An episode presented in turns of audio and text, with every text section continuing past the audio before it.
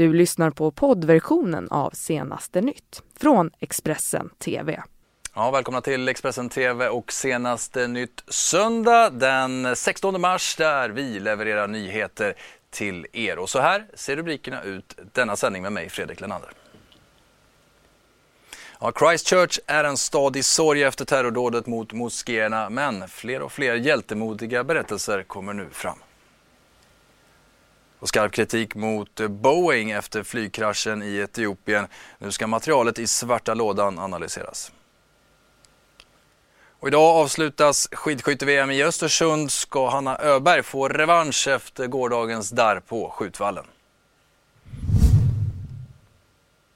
Ja, vi börjar med lite svensk inrikespolitik där Liberalernas försvarspolitiska talesperson Allan Widman nu stödjer Nyamko Sabuni som efterträdare till Jan Björklund.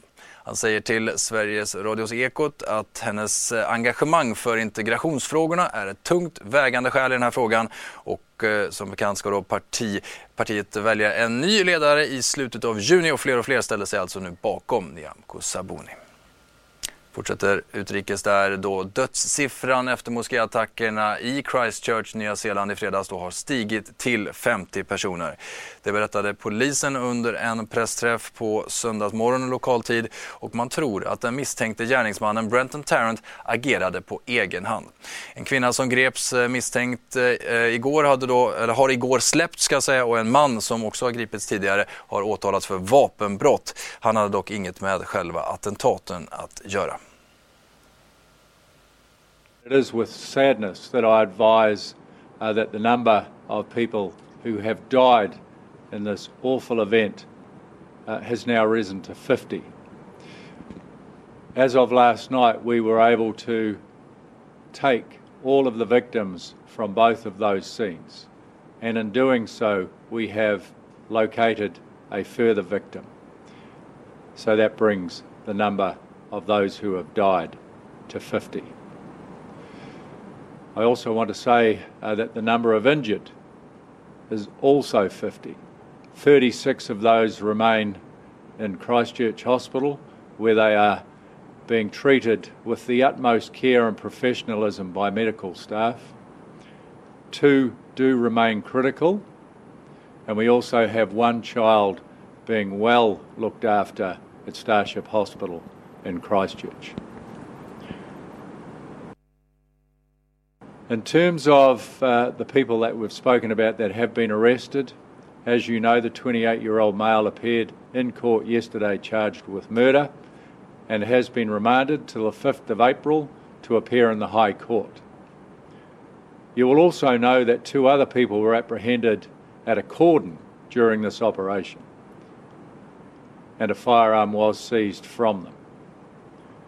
Now, one of those persons, a woman, has been released without charge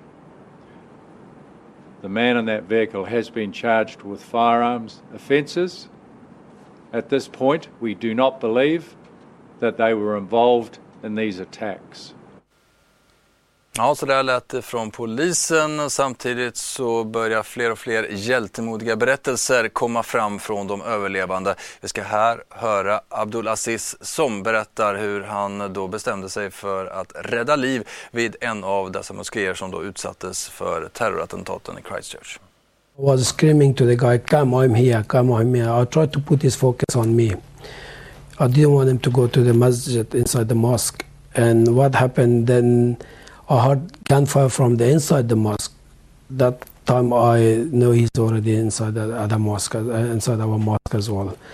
And I screamed at him, oh, come on, I'm outside, come on, I'm outside. I was swearing at him and everything. Then I ran from the back and I had the shotgun in my hands. And then I saw him, he dropped the gun, he ran. He ran and I chased him. Uh, I, I chased him, he ran to his car, and said, on his uh, driver's seat.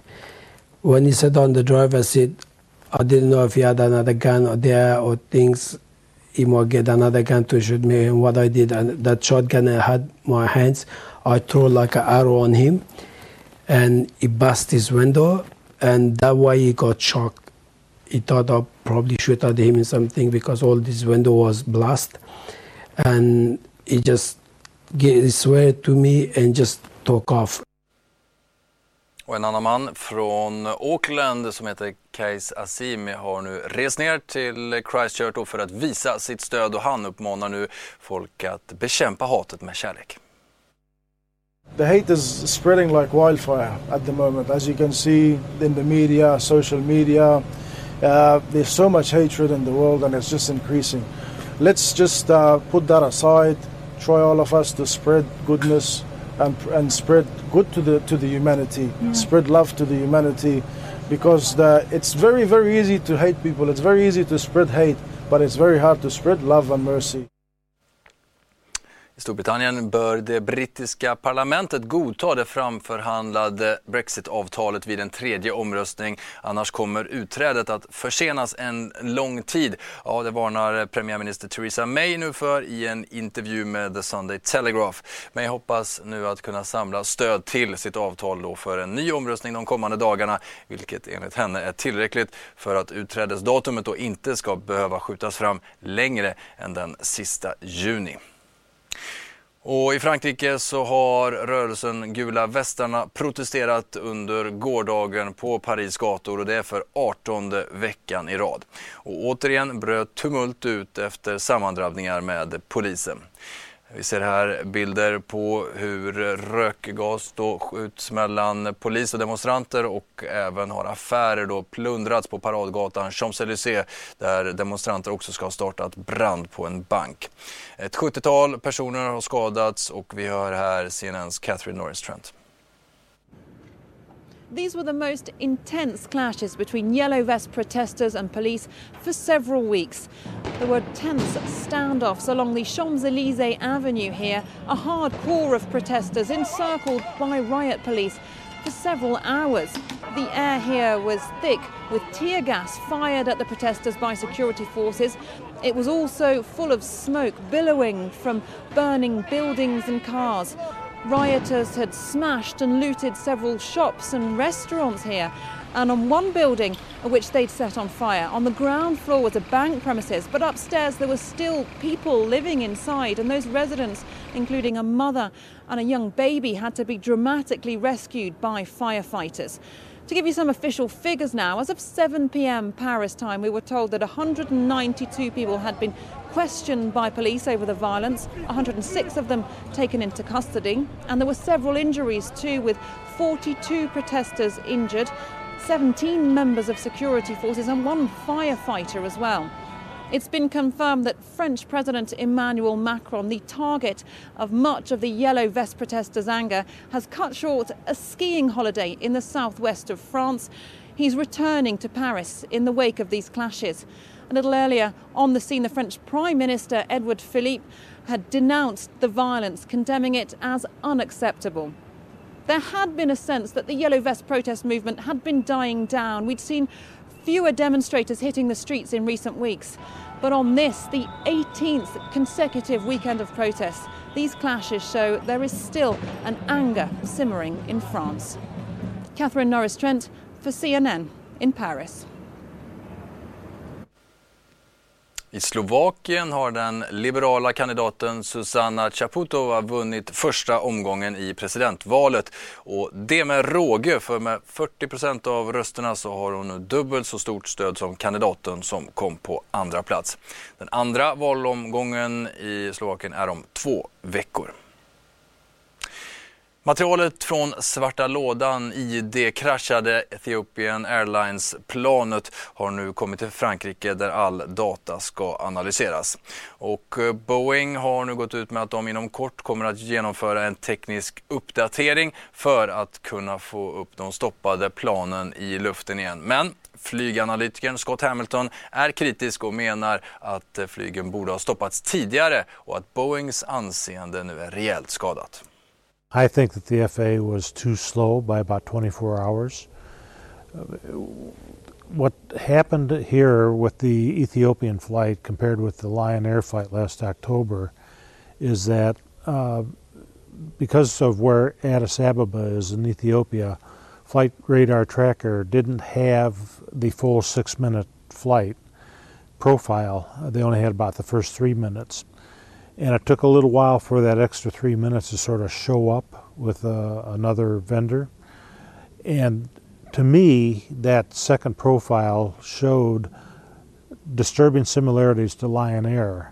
Boeing has taken a real hit in the public relations image. Uh, uh, to be fair to Boeing, there are just certain things that it cannot say during an active aircraft investigation. But when it comes out and says, we believe the airplane is safe, they need to tell you why they believe the airplane is safe, and they didn't convey that message. They just say the airplane is safe without, so to speak, showing their math uh, behind that. Same thing, though, with the airlines. United pilots, Southwest pilots, American pilots said the airplane is safe, but they don't tell you why they say it's safe. And that doesn't really reassure the flying public. Kan vi berätta att minst 42 människor har omkommit i samband med kraftiga översvämningar i östra Indonesien och över 20 personer har skadats allvarligt. Det uppger landets katastrofmyndighet och det handlar om Sinai-området som då sedan i lördags har drabbats av kraftiga regn. Men nu byter vi till sport och det handlar ju om skidskytte-VM i Östersund där eh, det avslutas med massstarter idag för både damer och herrar.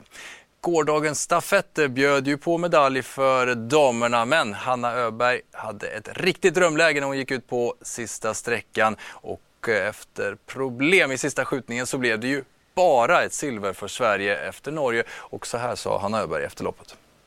Öberg, vad är känslan just nu? Eh, nej men jag, eh, jag är väldigt stolt över de andra tjejerna. De gör det helt fantastiskt och silver är väldigt, väldigt bra. Eh, eh, sen Eh, för att vara ärlig så måste jag säga att jag inte är helt nöjd med min sista skjutning. Eh, så är det. Men eh, jag menar, det är en skjutning av väldigt mycket och det, ja, det, det är fortfarande silver och det är bra. Du, när du går ut så har du stor ledning, vad är känslan då eller vad är tankarna? Ja men det är väldigt inspirerande. Det, det är ju ett ja, väldigt roligt och spännande läge att få gå ut i. Och det, ja, jag tycker det var helt fantastiskt. Så blir det ett par extra skott i första skyttet. Vad, vad, vad händer där? Äh, nej, men jag vet inte. Jag, jag får väl kolla. Vad, jag har inte sett träffbilden så jag vet inte riktigt vad som hände men det är ingenting som jag blir orolig för. så. Sista skyttet då? Det ser ut som det strular för dig? Eh, ja men det strular lite grann i sista reservskottet när jag ska ladda om det. Då ligger hylsan kvar i loppet eh, istället för att hoppa ut. Så jag får, måste ta ut den innan jag kan få, få i då, reservskottet. Eh, så det tar väl lite, lite tid men eh, jag får ju ner det skottet till slut. Vet du när Sverige tog en eh, VM-medalj i stafett senast? Ja, Wolfgang höll på att prata om att det var väldigt många år sedan i alla fall senast. 1988? Ja, ja men det, det, det är fantastiskt att, att vi kan göra det här idag på hemmaplan. Mm, det är bara att hoppas att eh, de svenska framgångarna fortsätter. Dagens massstarter för både damer och herrar. Expressen är naturligtvis på plats för att följa detta.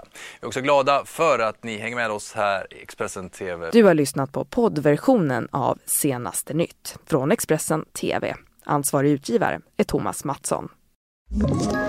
Ett poddtips från Podplay. I fallen jag aldrig glömmer djupdyker Hasse Aro i arbetet bakom några av Sveriges mest uppseendeväckande brottsutredningar. Går vi in med hemlig telefonavlyssning och, och då upplever vi att vi får en total förändring av hans beteende. Vad är det som händer nu? Vem är det som läcker? Och så säger han att jag är kriminell, jag har varit kriminell i hela mitt liv men att mörda ett barn, där går min gräns. Nya säsongen av Fallen jag aldrig glömmer på Podplay.